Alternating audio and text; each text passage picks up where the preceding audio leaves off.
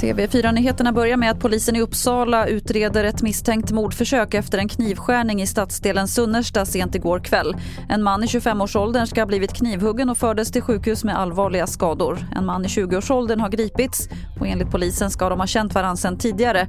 Men vad som låg bakom knivskärningen är oklart.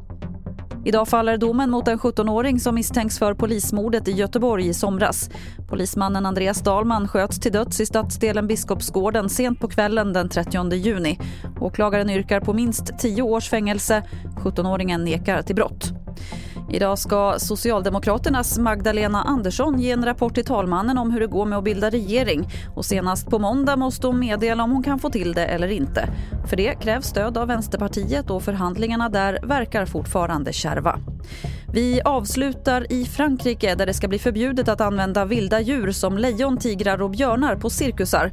Man ska införa en ny djurskyddslag i landet och den kommer också att innebära att det blir förbjudet med delfinshower, att äga vilda djur och det blir även förbjudet med minkuppfödning. Fler nyheter hittar du på tv4.se. Jag heter Lotta Wall.